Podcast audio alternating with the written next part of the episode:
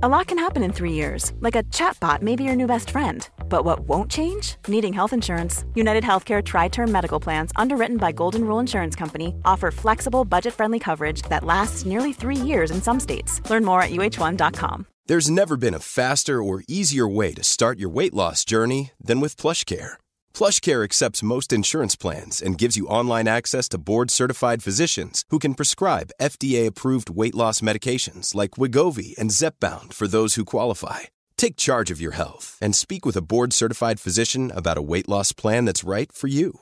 Get started today at plushcare.com slash weight loss. That's plushcare.com slash weight loss. plushcare.com slash weight loss.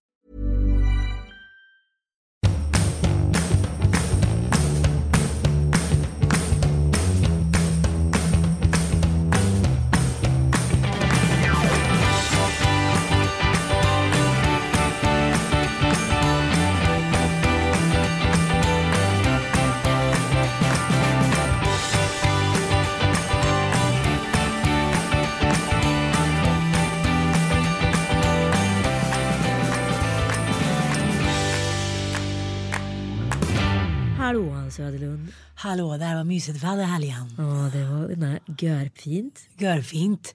Jag tycker du eh, försvann bort från mig där på lördagen. Jag tycker du försvann bort från mig hela tiden för du var fan med uppbokad på varenda punkt på den här mässan. Det är så jag är, den gamla inventarien på Karlstadmässans barnmässa. det var så roligt, jag tänkte så här. Mina Men du barn... är jämt görbra där på scen du. Ja det är jag. börjar bli riktigt varm i kläderna. Ja. Kläderna. Ja, det Kläderna. var lite spännande Ja, utsvävning. men eh, den här dialekten, Ja. värmländska, den är väldigt, väldigt speciell. Ja, men jag pratade med Therese där på barnmässan. Eh, som har någon typ av också lite, lite nasal liksom, röst på det där. Och, du vet, jag sa så här. Ja, men I Stockholm är vi ganska rappa, snabba, bla bla bla i rösten. Och värmländska det är lite mer manjana på något sätt. Den är lite liksom sävlig och sällsam. Ja, men den har vuxit på mig. Men jag älskar värmländska. Och jag älskar också den här Ack Värmland på fyran. Ja, och, men också, sen så älskar jag ju Lars Lerin. Ja, Ja, och när han pratar värmländska, jag blir så glad. Alltså det sjunger i min själ. Men eh, finns det någon dialekt som du absolut inte klarar av? Ja men det är nog min egen dialekt. Det vill säga närkingskan. Ja, För den är så himla ful. Alltså den är så tråkig. Gnällbältet. Nej du kan inte. Men den pratar mer så här. Hallå, hur är du? Den är väldigt snabb. Den Ja. är väldigt snabb. Intensiv på alla sätt och vis. Vis. Ja, vis, vis. Vis, det- ja. Mm. Den är patenterad kan bara jag säga. Som kan. Från början. Det kan inte du göra. Nej, jag tycker faktiskt att du fick till det bra. Men du kommer också från Örebro. Ja men det är det jag Örebro. menar. Den är inte Örebro. vacker. Alltså jag pratade ju också eh, Strömstamål och den ligger ju i besläkten med både norskan och dalsländskan. Eh, Mm. Bohusländskan är väldigt gubbig och den är mycket mera grov och den är här nere någonstans. Den liksom snuddar ju ändå vid Värmland på något sätt. Man Ja, tror att den ska vara relaterad till göteborgskan men inte Mm. alls. Anita Fredrik Lindström Södlund. Ja, välkomna till Lille Lördag. Ja, välkomna. Men vi hade väldigt härligt. Vi hade connecting rooms. Vi hade connecting rooms. Jag hade med mig alla mina barn utom Bobban. Ja, det blev ett litet missförstånd där. Nej, jag blev faktiskt lite sur på det. Ja, jag vet det. Ja, jag tycker det var lite konstigt gjort. Ja fast det var ju helt ostrategiskt från min Okej, sida. men kan vi sluta navelfara och skåda och berätta hur det var? Ja, Jag och Anita Schulis bestämde att vi skulle på den här barnmässan där vi båda skulle arbeta och verka. Och så bestämde att vi inte skulle ta med minimänniskorna Bobovic och Tomalovic. Tomalovic. För att det ändå är liksom high maintenance med dem. Mm.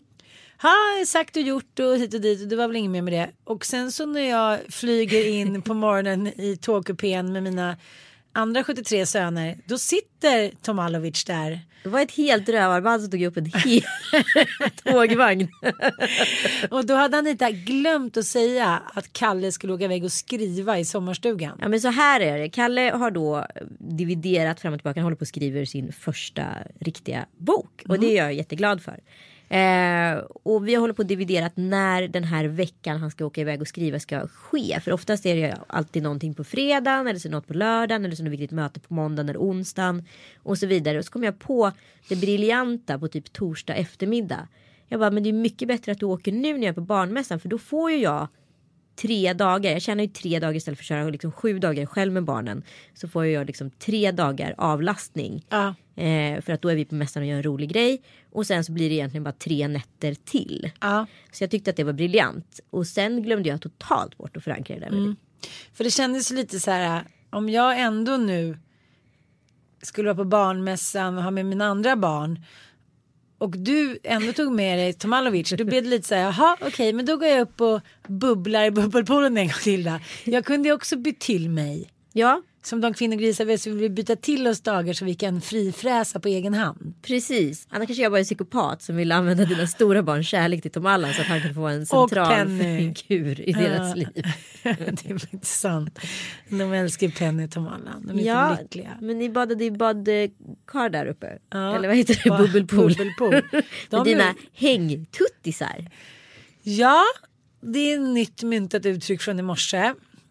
Och jag, antingen är jag för trött för att bli upprörd men jag måste fråga er och kan vi, kan vi ta en diskussion kring det här som ett litet debattinlägg på Facebook? Absolut. Ja. Eh, jag kommer inte lägga ut en bild på mina hängtuttisar. Nej, men, det eh, behöver du inte göra. Nej, men jag tycker ändå att vi kan på något sätt så här, ringla upp den här or- ormen till debatt. Ja. För vi pratade lite om det här i helgen, det tycker jag var lite lustigt. Att män, eh, de har så mycket liksom schizofrena regler som ändrar sig från dag till dag hur de ska behandla oss och vad de får säga och inte. Men det kanske också handlar om vårt förhållningssätt till vad de får säga och inte. För att det hänger lite ihop med typ en menscykel och så vidare. Gud vad jag låter kvinnogrisig nu men så tycker jag att det är. Ja, fortsätt. Ja, men det kan ju också handla om 2000 år utav patriarkalt förtryck. Absolut. Som gör att liksom, om man kan säga så här ärligt talat, fram till för 50 år sedan eller 100 år sedan när vi kunde börja så här stasha in lite själva så var det så här. Om man fick hängtuttisar eller man inte kunde föda barn eller blev gammal och ful. Nej men då fick man inte vara med på liksom kärleksmarknaden längre. Särskilt inte om man levde liksom i en fin relation där det fanns stash. Då var det älskarinnor och man hamnade liksom på på gallbacken. eller Så, så det har ju varit väldigt mycket, så länge man är ung och vacker får man vara med. Liksom, får man vara med och sen får man inte det längre. Ja, men jag är med dig. Men liksom hur många år ska vi hålla på och dra kvinnokorten undrar jag. Okej, ska vi ta förklaringen till den här diskussionen? Exakt. Ja. Vi ser lite olika på det här. Det är det som är lite spännande. För vi blir ju nästan sura på varandra i Ja. Karlstad. Men jo, jag vet, men du sa ju så här till mig att du vill att din och Kalles relation ska vara transparent. Och ni ska ha en så här härlig relation där ni älskar varandra hur man än är och ser ut. Ja, men sen när du då tycker att du har gått upp lite i vikt och frågar då i affären när du ska köpa lite godisspottisar. Att så här, man kanske inte ska göra det. Tycker du att jag blev lite tjock? Det är den kvinnliga 10 000 kronors frågan skulle jag säga. För det blinkar ju två liksom, eh, ord framför Kalle. Det ena är så här röd, nej, grön, ja som flaxar fram och tillbaka. Grön, nej, röd, ja. Hur ska vi ställa oss till det här? För säger han nej, då kommer jag ställa följdfrågan eller påståendet. Men äl- älskling, du kan vara ärlig mot mig. Och då säger han kanske ja, lite och så blir jag fly förbannad. Mm. Men blir du förbannad då på Nej, riktigt? men då blir jag irriterad. Då blir jag så här, så här, ah, men det är så himla typiskt att du ska så här, kommentera min kropp. Och han bara, men du Mm. la liksom upp den på volley i princip. Och bad om ett ärligt svar. Och nu har du liksom lurat in mig i något så förtroende. Och så ger dig ett ärligt svar och så är inte det ett passande bra svar. Mm. Så kan du berätta om hängtuttisarna? Kvinnlig list kan man också kalla det. Ja, nej men eh, jag kom ju hem igår från barnmässan ganska sent. Och sen var det inget mer med det. Och sen så somnade vi. Och sen så i morse så skulle vi gosa lite. Och då sa jag bara jag måste gå upp och kissa. Och så kom jag tillbaka och sen så la jag mig ner. Och ja men vadå, det är ju inte så här som att jag har ändå ammat fyra barn i över ett år vardera barnet. Det är ju inte så här att jag lägger mig ner och ser ut som Kim Kardashian med sillituttar. Jag menar, tyngdlagen gör ju sitt, de hamnar ju lite åt sidan. Men det är väl klart. Jag Ja. tycker också de hamnar på ryggen. Det flyter ut åt alla möjliga håll och kanter. Ja, nej, det vet jag inte. Jag har inte sett något. Alltså man ser dem ju Nej, bara från du ligger ovenperspektiv. ner och så tar du ett rejält tag under din armhåla på sidan utav kroppen, alltså ovanför rev, revbensspjällen, revbenen. Då känner du liksom en hud som du inte haft där tidigare någonsin i ditt liv och det är typ brösten som har liksom runnit genom huden. Nej, det är inte Anita. Nähä, vad är det då? Men vadå, du menar att mina bröst är så pass hängiga alla Afrika? Att de så ligger som typ en Nej, pappers... jag menar att brösten åker också in i kroppen. Fettet från brösten är inte längre så här attached till att vara just i, i bröstet. Nej, utan nej, det ja, flyter ja. ut i den andra huden. Jo, jo, men det är inte så att jag behöver fånga upp dem under armen. Sluta bli på- påhoppad. Nej, men din liksom, föreställning kring mina tuttar är att de ligger under Nej, jag armen. om så jag dra. bröst. Ja, Nej, det är inte alls med dina bröst. Strunt i det. Då kommer jag, har jag gått upp och kissat, jag kryper ner bredvid honom. Han luktar för övrigt kebabsås sen dagen innan. Och då tror jag att han har fisit. Så det blir lite så här äckelpäckel diskussion. Så lägger jag mig ner och säger han så här, hej häng tuttis. Ah, nu, nu kom det till mig. Kom det till dig? Ja, nu kom det Kom till mig. Jag kom. Vet du, det där är exakt en retorisk grej som Kalle kör. För kränker jag honom lite. Alltså helt, alltså, så här, mer så här, oj. Vad det där gick fort eller inte i just kanske sexuellt sammanhang eller Ah, vad som men, men du vet vad, vilken typ av min, mikroskopisk kränkning som helst. Då måste han som en boomerang smasha tillbaka. Aha. Och kränka lite tillbaka. Jag tror det var kebabsåsen som orsakade hängtuttis. Det där var ett straff. Aha, för att jag gick omkring och nosade som en hund och sa så här, det luktar så illa här inne, har du fisit igen? Ja. Ja, då sa han, nej det har jag inte. Jag bara, nu kom jag på det för han stod nära mig och sa, gud det är den där kebaben du åt igår, du är så äcklig. Och sen la jag mig ner och då sa han, häng tuttis. ja. Så vad är, vad är värsta? Äck, att man kallar sin pojkvän äcklig? Eller att han säger att du har hängtuttar? Men så, så har jag inte alls sett på det. Eh, Jag har ju hållit på och dragit upp den här häng tuttis i ljuset hela dagen. Ja. Jag har inte ens reflekterat över att jag sa någonting lite elakt mot honom innan. Nej Mag- men det är ju det det handlar magkurraren. Magkurraren. Men det är det det handlar om. Det här är inget annat än ett mikroskopiskt straff för en kränkning ska ta ut en annan. Jag tror att män tänker så. Om jag nu är elak tillbaka då har vi nollat situationen. För då är det liksom even Steven igen. Jo, men sen så tänkte jag så här. Han sa det på ett kärleksfullt sätt. Vi gnabbade lite. Let it be.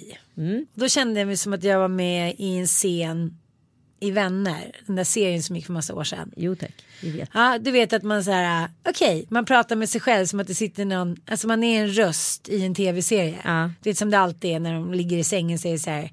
Well, I don't know if I'm gonna do that. Well, mm, it's really nice in the bathtub. Alltså, jag var min egen tv-serieröst. Mm.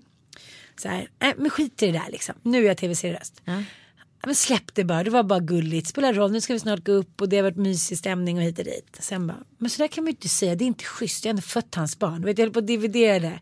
Och så kunde jag till slut såklart inte hålla mig. Såklart inte kunde. Nej, då sa jag så här, inte för att jag ville närma mig hans andedräkt, men då sa jag så här, Titta, du gör en liten mikrohämnd igen. ja jag vet, för jag Du kanske är är likadan. Ja. Då säger jag så här, äh, vad gulligt sagt, häng tuttis. Och så men älskling jag skämtar ju bara. Jag bara, jaha men det måste ju ändå vara det du tyckte. Ja, men, men sen släppte jag det.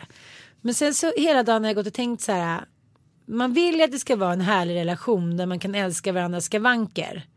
Du vet, som att han har gått upp lite i vikt och har mage eller att jag eller si eller så. Men jag tror att det just handlar om de attributen som jag faktiskt mer eller mindre förstör på grund av att jag skänker mig själv och min man avkommor. Och då tycker jag liksom han kan ju rå för att han har gått upp lite i vikt för att han har käkat mer. Ja för du stod ju gladeligen i, i, på Gran Canaria och eh, skojade om att när vi träffades då sprang du hela tiden. Då var du en liten alfaatlet och du kolla, kolla på honom. Han har mage, han har mage, han det har var ju för att han hade sagt armar. det först. Var det inte det? Nej, Han jag tänkte det. det på att du liksom stod och att vi skulle också den utsatta situationen man står i badkläder och studerar då en mans kropp som någon också då står och demar eller demonstrerar som du gjorde på sidan och vi pratade om vilka områden Det här kommer inte jag ens ihåg. som han hade gått upp Jag måste varit full. mitt på dagen. ja, ja, men det kan man väl vara. Ja. Så jag, men Nej men förstår du vad jag menar? Jag försöker bara ge dig ett annat perspektiv på dig själv här. Jag försöker inte sätta dit jag dig. förstår. Men, men det är också så här att genom historien som jag fortsätter med mitt 2000 år av patriarkat, 20 000 år av patriarkat av nedtryckning. Att så här, ung och fräsch och snygg och tuttarna på rätt plats. Då är man så här het på marknaden. Sen när man blir mamma. Alltså, jag tror att det bara handlar om att liksom snacket går lite så. och Jag är trött på det. Eller också är jag bara inne i din ålderskris. Vadå in i min ålderskris? Ja, Jag menar att jag håller på att fixa mig eller vadå? nej men du sa ju att du hade en pre 40-årskris nyss. Ja men, ja, men jag bara så tänker att det är så konstigt det här. Hela situationen. För att så det är klart att vi kvinnor får ju inte ifrågasättas när det kommer till kroppar. Vi måste ha, liksom, få ha våra hängtuttar, vi måste få, våra vaginor måste få vara uttända och man får inte så kommentera det. Men det är väl klart att en så här average 16 centimeters snorreborre liksom känner skillnad på, ett, på 0 eller 14 barn. Alltså vad ska man säga? Men vi får däremot så skratta åt att mannens penis är för liten. Vi får skoja om att en snubbe har gått upp i vikt på ett ganska så här, kvinnogrisaktigt sätt. Och sen den dagen jag erkände mig själv som kvinnogris. så befriad.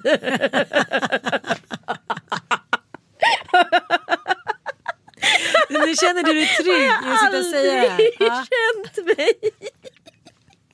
Sa jag det där? Ja, det gjorde jag. Jag tog ett djupt andetag Anita.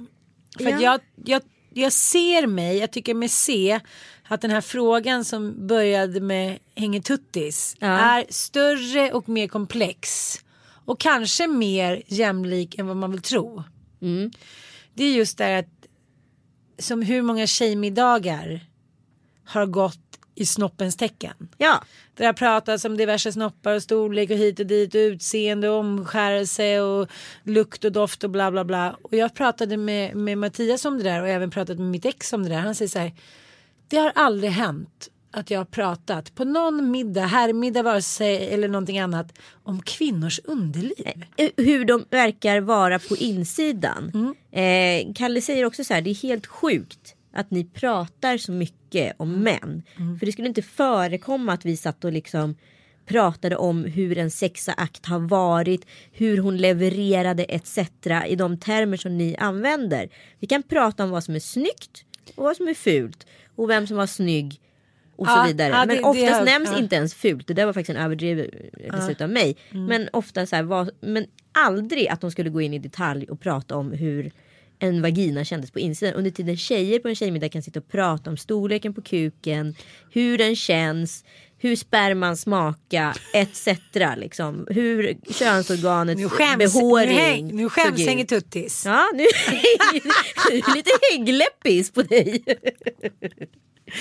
Jag tycker faktiskt att vi är grisigare än män i mångt och mycket och försöker fortfarande rättfärdiga det här med liksom någon typ av 2000-årigt diskussion. Jag tycker att någonstans om vi ska uppnå någon typ av jämställdhet den här icke liksom, nämnda manskroppen som man får håna hur mycket som helst. Är vi okej liksom? Ärligt talat. Det- Men jag tror att det är så här. Så länge en man som inte har de rätta liksom sixpack, hår, bla bla bla. Om man ska se hur en perfekt kvinna antas vara. Och ändå kan få liksom den hetaste bönan i stan. För att han har stash och makt och charm. Så länge det är så och inte tvärtom. Ja, men då är det ändå patriarkalt förtryck. Eh, jo absolut men samtidigt så sitter ju både du och jag här i situationer utifrån vårt lilla perspektiv och jag tror liksom att det kommer ske allt fler sådana situationer där kvinnor faktiskt tjänar mer än män och att yngre män väljer äldre, lite starkare, ekonomiskt stabilare kvinnor än att vara den eh, naturliga försörjaren av familjen. Jag, jag, jag, kan liksom, jag ser ju ändå en förlängning av det här och jag tror att vi i och med att vi är ett starkare kön på alla sätt och vis kan ärligt talat vara rent farliga för oss själva när vi liksom börjar maktutöva. Jag har liksom stött på en väldigt intressant diskussion, inte långt ifrån mig, men i den lilla omgivning jag befinner mig i ibland i vänskapssammanhang. Och där är det väldigt många tjejer som har börjat bett sina män att knipsa sig. Det vill säga, du vet, trycka en liten, göra en liten knut. Och det kan ju vara bra om man har fått väldigt många barn och så vidare. Att man säger, men nu orkar inte jag, varför ska jag sätta in något jävla skydd för? Nu får fan du. Och det tycker jag är helt rätt. Absolut. Men de har satt in det i syfte, eller tvingat männen att knipsa sig i syfte av att om du skulle lämna mig, då ska inte du gå och så din havre hos någon annan liten dam. Som, kan är, som också kan bli en arvinge till dina pengar. Ah, avancerat. Ja, det är väldigt avancerat. Så, så här, du ska knipsa dig för att du ska bara kunna liksom, generera pengar till dina e din egen familj. Och det är jag som har bestämt att den är här. Så man kan se det som den lagliga formen av lex Bobby Brown. Ja, Hon som skar av sin man penisen när han har varit otrogen. Loriana Bobbitt. Ja. Varenda jävla gång alltså. Det är ändå sjukt. Okej. ja, men jag tycker att, att det är ändå. Jag vet inte varför jag tycker att det var så otroligt liksom rafflande att hon skar av sin mans penis, kastade ut den genom fönstret på bilen. De fick åka tillbaka, plocka upp den där skinnspiken som låg där och liksom mm, mm, mm, och sen sy på den och sen blev han en porrkändis. Ja men jag vet. Knas historia. Ja, men så då kan man säga att det här är då En modern den form av... lagliga eh, och den moderna. Ja men tänk dig motsvarigheten att en man skulle säga till en kvinna så här. Du, nu går du och steriliserar dig. För jag vill inte ha några mer jävla barn med dig i princip. Och den dagen det tar slut mellan oss. Då ska inte du ha möjligheten att skaffa det med någon annan heller. Men det finns ju massa bra nya metoder. Bland annat den där metoden, nu har jag glömt bort vad den tjejen heter. Där man då kan mäta när man har ägglossning och liknande. och En sådär. kompis gjorde det där och hon blev ju gravid. Jo men det är det jag känner. För så, så kanske man är på en fest, på ett bröllop, på Mm. en 40-årsfest och så helt plötsligt får man infall och så här ramlar ner i diket och liksom sätter på varandra så blir det en bebis. Och för mig skulle det där, alltså jag är en ägglossningskvinna, för mig skulle det där vara livsfarligt. Mm. Typ. Oj, jag såg lite fel, oj, jag glömde hit och dit. Men samtidigt så finns det ju väldigt, väldigt många andra alternativ. Dels kondom, dels det här med att knipsa. Alltså, jag tror bara att män tycker att de ser det som en så här manlighetssymbol. Att man så här, kan befrukta kvinnorna. Jag tror att liksom, det är mer en sån strypgrej av manligheten. Att säga, fan, det är världens bästa idé. Vi har tre barn, vi ska inte ha fler. Knipsa. Men i den världen vi lever i där man så här, nästan inga lever tillsammans resten av livet. Det är klart att man kan ändra sig. Det kan man ju både som man och kvinna. Men det är ju som vadå, vi håller på form, alltså jag tycker bara så här att ibland känns det som att vi håller på formger en man som vi egentligen inte vill ha. Ser du vad jag menar? Alltså hipstern är ett typiskt sånt exempel. Vill ha en skäggig liksom skogshuggarkille som inte ens kan byta ett cykelhjul. Alltså förstår du? Det, det, blir, det liksom slår ju knut på sig själv. För vi vill att han ska vara mjuk, vi vill att han ska eh, ta hand om barnen och så slutar det med att vi totalt avsexualiserar honom för oss själva. Och så vidare. Jag tänker också så här, tar vi kontrollen över liksom det här, vad händer då? Men jag tänker till exempel i våra relationer. För det är ingen man tror jag, eller inte många män, som skulle tvinga sin kvinna att sterilisera sig. Nej det tror inte jag heller. Det har jag faktiskt aldrig hört talas om. Kanske Mattias.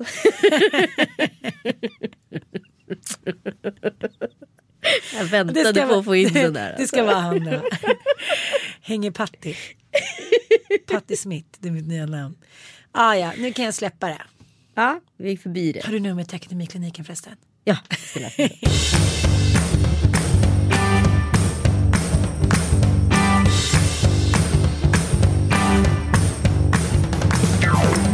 Men kan vi prata lite mer om hur det var att bo ihop? Ja, För att när jag var typ så här alldeles för gammal för att åka till USA och plugga så skulle mina kompisar Martina och eh, Martina och Karin och jag, vi skulle åka till USA och plugga och nya situationstecken. Vi tog så här pingis, så jag orkar inte. eh, drejning, gå på tur. Alltså vi ville bara leva det där livet och då var vi typ jag och Martina var ju 29 och Karin var då Alldeles för typ, gamla. Ja jag vet och Karin var så här 26. Det var ju såklart alldeles för gammalt men det var bara så här living your dream. Jag blev på smällen, kunde inte åka med men de åkte iväg och var där i två år. Ja. Och eh, spelade pingis på lektionstid och hade, levde la vida loca. Så att jag har liksom aldrig riktigt fått levt det där college-livet. Nej, Och det kände jag lite när vi hade connecting rooms eh, på Clarion. Eh, Karlstad. Karlstad. Att det var så här härligt. Man går bara in i annans rum och säger kan jag låna det? Har du någon läppglans? Man kryper upp i varandras sängar på morgonen. Ja, men det är bara liksom. eh, Det var så jag tror att det hade varit om man hade gått på college. Men sen är det också så här att innan jag träffade Mattias och bara bodde med killarna. Då låg vi alla i min unkislägenhet på Klippgatan i min 1,40 säng. Mm. Jag, Dante och Ilon på liksom tvären och eh, Ossian på längden. Jag orkar inte. Nej, tvärlängden. Ja. Och det var ju liksom legio. Då, var det så här, då hade de tillgång till mig 24-7 den veckan de var hos mig. Och så plötsligt träffade jag Mattis och sen kom Bobban in i sängen och var den nya lachergrisen. Så att när vi nu åker iväg och de får ligga i samma säng som mig. Du vet, det är, de tycker det är så mysigt. Du vet, de ligger liksom på mig som klisterlappar. Så jag tänkte också att jag kunde bjucka på det. Och sen på lördagen, då var ju du ute lite längre än mig. Ja. Och shottade med Beppe. Sen fick du lite feeling när du dök upp och ville att jag skulle komma in till dig och snicksnacka. Mm. Mm, jag kände inte för det då. Nej. Nej. det var väldigt roligt för att det, det finns ju en är när man är på den här eh, barnmässan. För det är väldigt mycket olika bloggar utav olika åldrar. Och liksom, alla blir mammor. De är mammor hela dagen och de är pappor hela dagen. Och de, De, de blir föräldrar så tidigt Ja, också ute i landet. Ja. Så är det faktiskt. Men de har ju också så här, de, de har ju tappat, det här känner jag igen hos mig själv. Vi hade ju ganska seriösa snack, även fast det lät oseriöst när man pratar om att man köpte in shots. Men eh, innan shotten kom in så Vad var det för shot? det var en fireball. Jag älskar Fireball. Eh, innan shotten kom in så pratade vi om för att eh, massa rapportansvar i bloggen och kommentarerna liksom hela tiden är så här veto och där blir de dömda eller icke dömda. Och jag är så här, men om du nu liksom tycker, varför skulle man tycka rimligen att det är helt plötsligt är helt förkastligt och tråkigt att gå ut eller ta ett glas vin eller dricka en shot eller vad fan det nu är bara för att man har en mammablogg och blivit mamma. Alltså du har ju faktiskt praktiserat kanske 10, kanske 15 år aktivt på krogen. Eh, och det finns ju ett intresse eller kanske i alla fall som jag tycker. Jag tycker fortfarande är sjukt kul att gå ut liksom. Varför med. skulle man helt plötsligt tycka att det blir tråkigt bara för att man blir mamma? Det är väl klart att du måste ha någonting som är helt åt andra hållet mot vad mammalivet är. Alltså sött och salt som vi alltid pratar om. Så därför fick jag feeling att sätta igång de här morsorna lite. Ah, det såg det som Beppe satt vid bordet. Så jag beställde liksom in ett gäng shots. Mycket bra. Eh, och sen så lämnade jag i princip det här slagfältet som sen hade eskalerat till någon typ av utgång. Mitt lilla peptalk där kanske hjälpte till med en utgång och sen en efterfest. Så de hade varit ganska på arslet tror jag. Härligt för Ja, dem. ja. Jag kom ändå upp eh, till halv tolv tyckte att jag var jätteduktig. Ja, men eh, tror de skrev om det här i bloggen dagen efter att de hade blivit bärslet och shottat med dig? Det tror jag inte.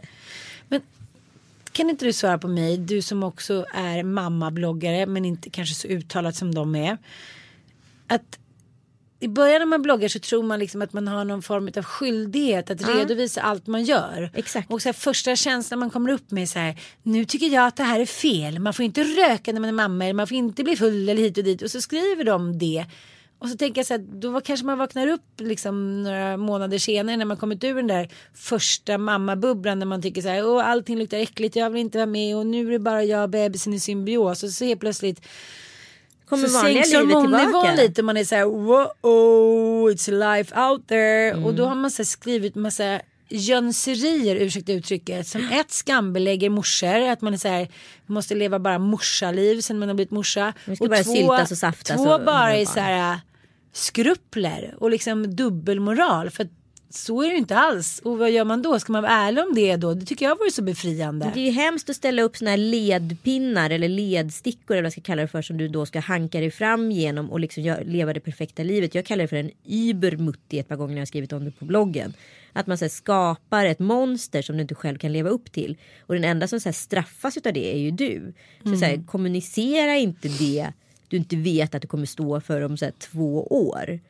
För att det kommer bara du förlora på, alltså Ja. i grunden. Nu blir det här väldigt branschrelaterat men väldigt många i Sverige idag har ju faktiskt en blogg och jag förutsätter att en hel del bloggare lyssnar på våran podd.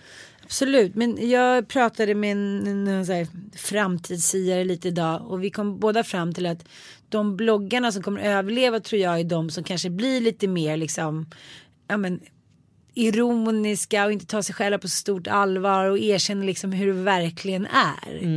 Istället för att det ska vara så här, titta här vad jag gjorde hemma, gjorde mat och hit och dit. Det finns ju några som fyller den kvoten, till exempel underbara Klara. Ja, ja, Henne älskar ju folk, hon lever ju som hon lär. Men sen finns det ju liksom ett helt harem där under som bara så kanske vill leva hennes liv men så här, det kräver så jäkla mycket att leva det där perfekta ekologiska morsalivet. Ja, men plus att så underbara Klara är ju kristen och hon dricker inte. Alltså det är klart Mm. att där i hennes liv fyller ju liksom det hon gör en annan funktion. För det är Mm. ju liksom hennes utlopp på något sätt. Men för någon som så här kanske inte alls har hennes livsstil. Då blir ju det mer ett så här förhållningssätt till att vara en perfekt mamma. Och, vilket kan bli ett ok. Eller? Absolut, ja men det är klart det kan bli. Men sen är det ju så här som jag pratade med min kompis Sasha. Som sa så här, ja men jag kanske hade den här inställningen bara för ett år sedan att jag kanske inte gillade den och den personen eller fram och tillbaka. Men nu har jag ändrat Ja. mig. Varför måste vi alltid vara ristat i sten? Människan är ombytlig, annars skulle vi inte överleva en dag här på jorden. Nej men exakt. Då kan man väl bara erkänna det då? Alltså, så- förstår du lite jag menar? Ja men och så är det ju väldigt mycket i mitt fall. Alltså förr i tiden, jag vet inte vad exakt som hände men det var, jag och Amanda drog igång typ våra bloggar ungefär samtidigt. Jag blev värvad av mamma och hon blev värvad av Aftonbladet, alltså Manda Schulman.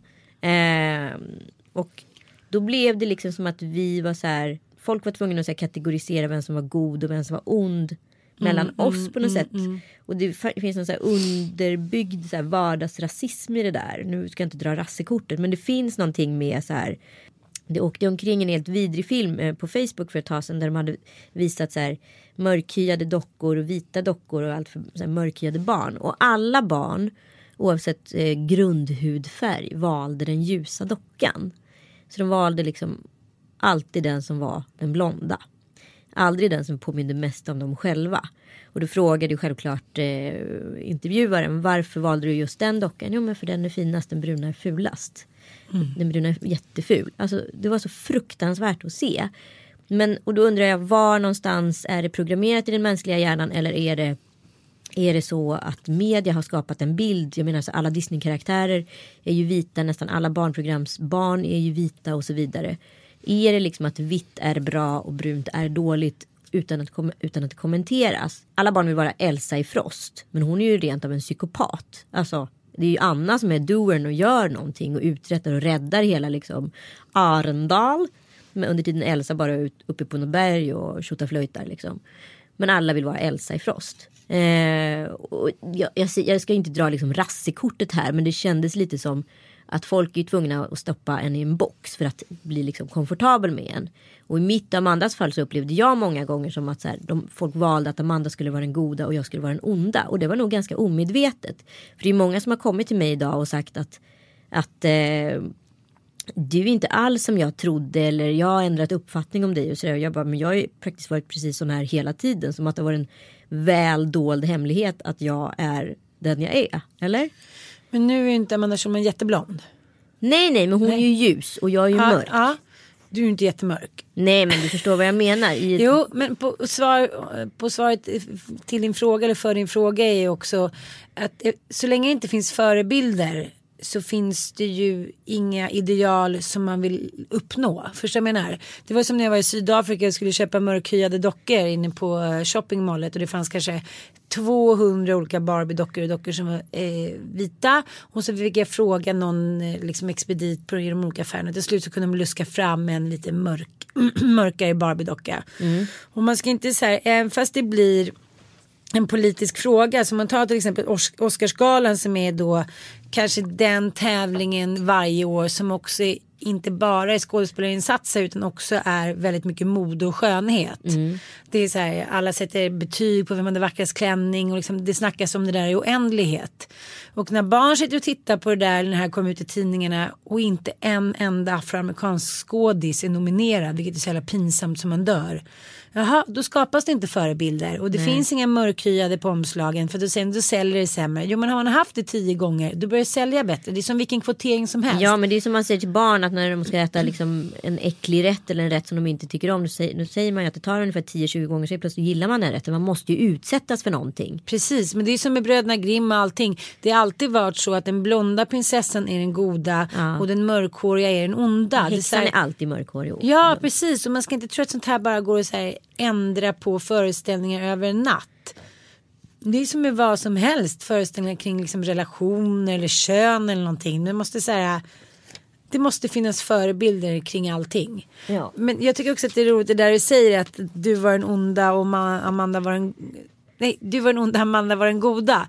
För det är ju väldigt många som har kommit fram till mig också och så här, varit så himla positivt överraskade över hur du egentligen var.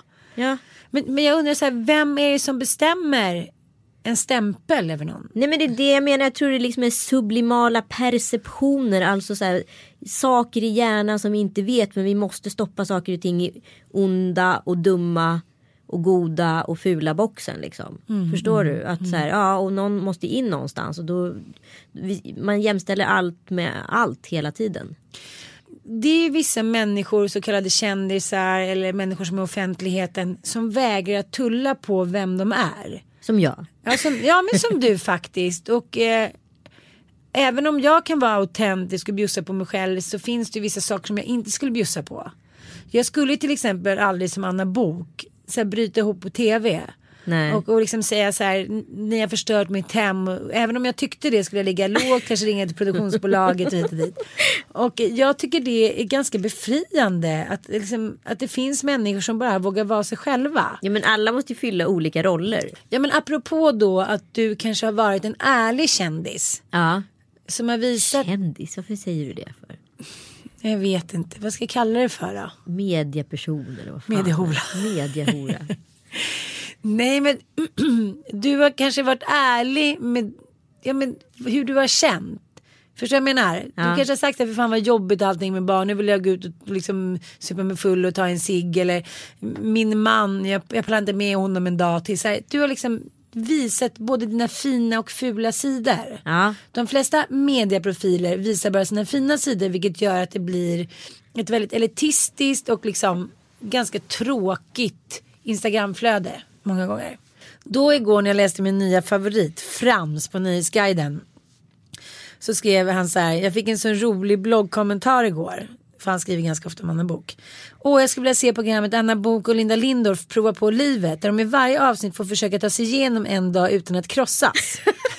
Förlåt. Ja, och då svarar han, jag är beredd att betala stora pengar för att det här programmet ska bli verklighet. Och då har han tänkt ut scenarion då eh, inför de första avsnitten. Ett är då dag ett. Anna Bok tvingas göra en resa med allmän kollektivtrafik och konfronteras med en SL accessautomat. Börjar gråta hejdlöst och tala ut om sin privatekonomi för spärrvakten. La la la. Och jag förstår att det här handlar om lite om häckla men därför vill jag ge då cred till Anna Bok. Hon har så mycket energi och tar allting personligt. Ja. Hon är så här, som en så stolt spanjorska. Häromdagen var det någon som hade sett första avsnittet av Så mycket bättre och skrivit lite så här gulligt på hennes kommentarer att så här, Ola, Ola Salo var fin, hoppas resten av programmet också blir bra. Jag hoppas du också kommer vara med någon gång i programmet. Och det tog hon oerhört kränkande och räknade upp alla hon hade jobbat med. Jag orkar inte, förlåt. Jag tycker ju att hon är så knasig va. ja, eller det här med att eh, hon tyckte att, att arge snickaren hade förstört hennes hem. Och då, då, liksom, då vill hon ha hjälp. Då ringer hon honom, hetsringer honom Ja. För att då ska liksom, man ska ta ansvar för det man har gjort mot henne som inte har blivit bra. Nej, men jag, jag förstår ju henne. Jag förstår ju henne. Det finns ju någonting i mig som förstår henne. För grejen är ju för att jag hamnade i den situationen också i och med att jag fick så otroligt mycket hat under en viss period. Så någonstans här, går det ju inte bara liksom vända andra kinden till utan man tar ju alla fighter och det är typ det sämsta man kan göra. Nu handlar det bara om att blocka och stänga ner skiten liksom. Så ta inte fighten, du kommer inte vinna den för det är en envägskommunikationskanal. Folk får bara tycka om dig, du har ingen rätt att försvara dig. Hamnar du i diskussion eller debatt så kommer du ändå förlora den för att folk då bara tycker att du är dum i huvudet. Ja men du fighten. slåss ju mot osynliga spöken Ja. ute i mediet. Du slåss ju mot så här, trollen. Exakt, men det är ju inte, alltså, det är det som är skillnaden också. Jag tycker att många gånger så tycker jag att de gånger jag har faktiskt hamnat i en diskussion där folk är, är villiga att debattera. Då blir det oftast intressant och det utmynnar i någonting. Antingen lär jag mig någonting eller så kanske de lär sig någonting. Men det är många gånger som de diskussionerna i Anna Boks fall då klassificeras som en trolldiskussion. Och där blir det ju lite fel. Men nu ser jag något annat Instagram-inlägg där hon har lagt ut en bild på där hon sitter och äter så är ett glas men liksom ser ut som att det är ett glas rödvin. Och så skriver hon så här, gud jag har inte så mycket matlust men jag ska väl äta ändå. Och då är det någon som har skrivit så här, ja ah, men det verkar i alla fall som att du har lust att dricka vin eller något sånt där. Och då blir hon också helt galen och går liksom in på en långt inlägg om hennes släkthistoria, vad hon har sett liksom, att vad alkoholismen har gjort med hennes nära och kära och liknande. Och sen så tar hon en bild på att det är påskmust. Ja. Hon dricker bara kanske tre till fem gånger per år och så här. Och så hur många gånger har Linda Lindorff hunnit ringa Aftonbladet under sin första vecka på Let's Dance undrar jag. Det verkar som att de har sänt någon direktlina. Ja men jag tycker ändå att det var ascoolt. Att hon blev så lack när hon inte fick något pris för Farmen på Kristallen att hon drog därifrån. Ja och du Får var ju hemliga Linda Lindorff. Du drog ju också men du gjorde ingen grej av att ringa Aftonbladet. Nej, jag gör sällan det. Nej, men det jag menar är att utan de här människorna som tar strid för allting och tar allting personligt, då blir ju världen mycket Ja tråkigare. men gud, alltså vilken krydda i mitt liv. Ja, alltså men- jag ja, men älskar Anna sånt Bok, här. Så här, vad skulle Sverige göra utan Anna Ja Bok? exakt. Ja. Det är därför också diskussionen om i Sverige ska inte ha ett kungahus. Jag bara jo det måste vi för vi har inga riktiga superkändisar. Nej.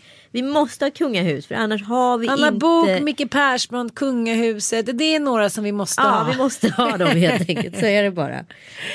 Men apropå det här med naturlighet. Ja. och vara autentisk och vara nära sig själv så har det ju väldigt mycket håriga armhålor som börjar flashas nu på Instagram. Och då tänker jag så här, om man då har varit rakad hela sitt liv och då ska göra det naturligt att skaffa hår. Är det då naturligt? Förstår du hur jag tänker? Jag fattar, du menar omvänt att så här, en annorlunda familj idag är en familj med ett barn. Exakt. Och en normal familj är en familj med fyra barn. Precis. Aha, jag förstår. Omvänd retorik. Men jag tycker att det är fascinerande för det, det har ju varit ett liksom utfall nu bland, bland annat Lady Damer och även Sanna Lundell då vår vän. Att de har gjort statement av och visat så här så här ser inte mammor eller kvinnor ut. Mer som ett statement kanske för att visa sina barn att så här kvinnor i 35-40 års åldern har, ser inte ut som små flickor. Nej. Och det kan jag gilla och där kan jag också känna att man bara hänger med bara farten att allting ska vara så välrakat och välansat och hit och dit. Men hur snyggt är det när liksom 35-årig kvinna kommer in på badhuset och är helt renrakad? För det så eh, blir ju eh, vaginan också äldre och kanske inte liksom Ja. mint condition. Ja, ärligt talat. Och det tycker jag är samma sak som du och jag pratade om förut. Att när jag dejtade en yngre kille där när jag var singel, min lilla singelperiod. Och han sa så här, hur vill du ha den? Jag bara, korven, jag tar den med räksallad på. Så, så snälla. Förlåt älskling. Ja. Härta härta som man säger i konsten. Hörde Herta. Jag sa bara så här. Nej, jag vill inte. Vill du ha en porrpung? Nej tack säger jag. Det är inte min grej. Jag vill inte ha en elefant. Jag vill inte att Babar ska krypa ner i min säng och se ut som han är nyfödd. Jag vill ha en karakar. Jag vill ha en grottman. Alltså inte så. Nej jag bara what? Nej, jag, jag, jag, jag gillar inte det där liksom att det ska vara renrakat och sixigt hit och dit. Jag vill ha liksom Ja, men du vill ha lite hår. jag vill ha lite hår och pung och jag vill inte att den ska se ut som en ensam blå elefant som söker ensam själ. Men jag gjorde ju en jätteblunder. Alltså det var verkligen inte meningen att såra någon. För att Sigge Eklund hade lagt ut ett klipp på en man eh, som senare Instagram tog bort. Som gjorde, smashade en pingisboll med sin penis. Eh, vilket var ett fruktansvärt roligt klipp. Men självklart får inte Instagram visa nakenhet. Så därför plockar man väl ner det. Eh, hur som helst så kommenterade jag då ganska ofördelaktigt den här killens penis. För han var väl runt 30. Jag sa så här, gud han ser ut som min så här 20 månaders där nere. Och då satt det en kille mellan ja, 20 och 25 vid det här bordet. Och blev liksom, tapp, gjorde en så här, han försa sig själv kan man minst sagt säga. Jag, jag drog ner brallorna på honom bokstavligen. För han bara, vad menar du med det? Och då var det uppenbart att han då hade den typen av rakning. Ja, ja. Och då säger det är så konstigt för män har ju oftast liksom hår från naveln och neråt eller hår på kroppen i övrigt. Alltså så här, var börjar och slutar punghåret? Det undrar man ju alltid på män. Liksom. Eh, Veckans fråga. Veckans fråga. Ja, men jag menar att benen är ju håriga och så kommer det här helt plötsligt jättekala liksom. Eh, pungen och penisen och det blir liksom det är som det skevar någonstans. Förstår du vad jag menar? Ja och det är som, som man ska säga, ja, men det är så fräscht när tjejer är helrakade för att bli renare och hit och dit. Det blir inte alls det. Håret rengör ju och självsanerar pullerullis bakterier och liknande. Så det är bara skitsnack. Jag säger så här, bring em on, eh, ju mer hår desto bättre.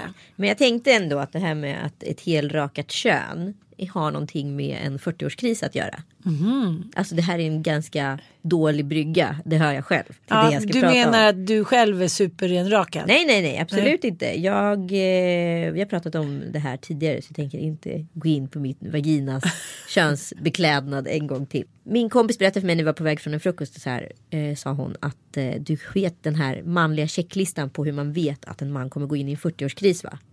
Jag bara vadå, vad finns det en checklista för det? Ja, lyssna på det här. Jag lyssnar. Först kommer han börja springa. Check på Kalle. Check, check. Ah. Sen kommer han börja träna för han vill börja bygga kroppen. Check Before it's too late, eller vadå? på Kalle. Ja. Sen kommer han ändra musiksmak. Aha! Kalle frågade mig förra veckan om jag kunde göra en Kent-lista åt honom för han ville förkovra sig i Kent. Under alla våra år när jag har spelat Kent har han bett mig stänga av. Jaha. Och nu ska vi på konserten. Nu ska vi på konserten. Så jag börjar känna så här, gud han är så på väg in i en 40 Sen, sen ska han byta jobb eller vara obekväm med det. Han har ju bytt jobb. Ja. Och sen ska han få en kollega som bekräftar honom och skrattar åt alla hans skämt. En yngre så, kollega. Ja, så att det blir en moteffekt utav vad frun är. Det vill säga att jag är tråkig och gnäller och klagar. Mm, Och till sist så har han så svårt att avgöra de här momenten i hans liv. Så han själv, kommer ju självklart välja bort frun då och välja den yngre kollegan. Som tycker att allt är fantastiskt som han gör. Ja. Så tänk om Kalle är på väg in i en 40-årskris. Ja men det kan Här han ska ju du vara vara. knivskarp Ann och svara snabbt. Okej men det är bara att jag tänker att Mattias fyller 40 i sommar och jag tänker om han har något liknande symptom, syndrom. Och då måste jag säga att han är helt tvärtom. Han har slutat träna. Han är på väg in i en 50-årskris. Han slutar lyssna på musik. ja alltså verkligen. Men han har slutat med att, betyder det att han är deprimerad? Mycket möjligt. Men så fruktansvärt rolig sketch på Facebook som cirkulerar. Där det kommer en så här pappa in på en vårdcentral. eh, Som ska till en läkare och sen är det några ungar som skriker i väntrummet. Och den här pappan är uppenbar småbarnspappa som inte liksom hört något annat än oväsen i flera år. Och så till slut så skriker den här läkaren till barnen som bara håller på och bråkar och brottas där bak. Bara, Can you shut the fuck up? Och det blir knäpptyst där inne. Och pappan börjar gråta utav blotta tystnaden. är det Mattias? Han har varit eh, om sig och kring sig helgen. Det har varit middagar och parkliknande händelser och det har varit brom, bromancing och de har käkat popcorn och kollat på film. Men han tycker det har varit tråkigt att laga mat. Ja. Han bara, jag skäms för hur många klämmisar jag gett honom den här. Nej. Mammas pojke, så godis, komma hem och goda munnen, godis, godis, godis, godis, godis. Ja, men Ja. jag får säga så här. Jag, han kan vara inne i en begynnande 40-årskris men jag tror inte att det kommer påverka er relation till det sämre och jag tror inte att han kommer lämna dig för en yngre kollega som tycker att han är tipptoppen. För jag har ju svårt att slicka hans rumpa varje men- dag. Och skratta åt alla hans skämt. Jag skrattar åt många men inte alla. Nej, det går faktiskt inte att skratta åt alla skämt och då får man göra som jag gjorde på Kregge och säga så här, du pratar så mycket nu och det är helt ointressant och jag går och lägger mig. Med det tackar vi för idag. Kvinnogrisarnas näste här på Acast. Tack för att ni lyssnar. We do love you. Vi älskar er. Puss! Puss!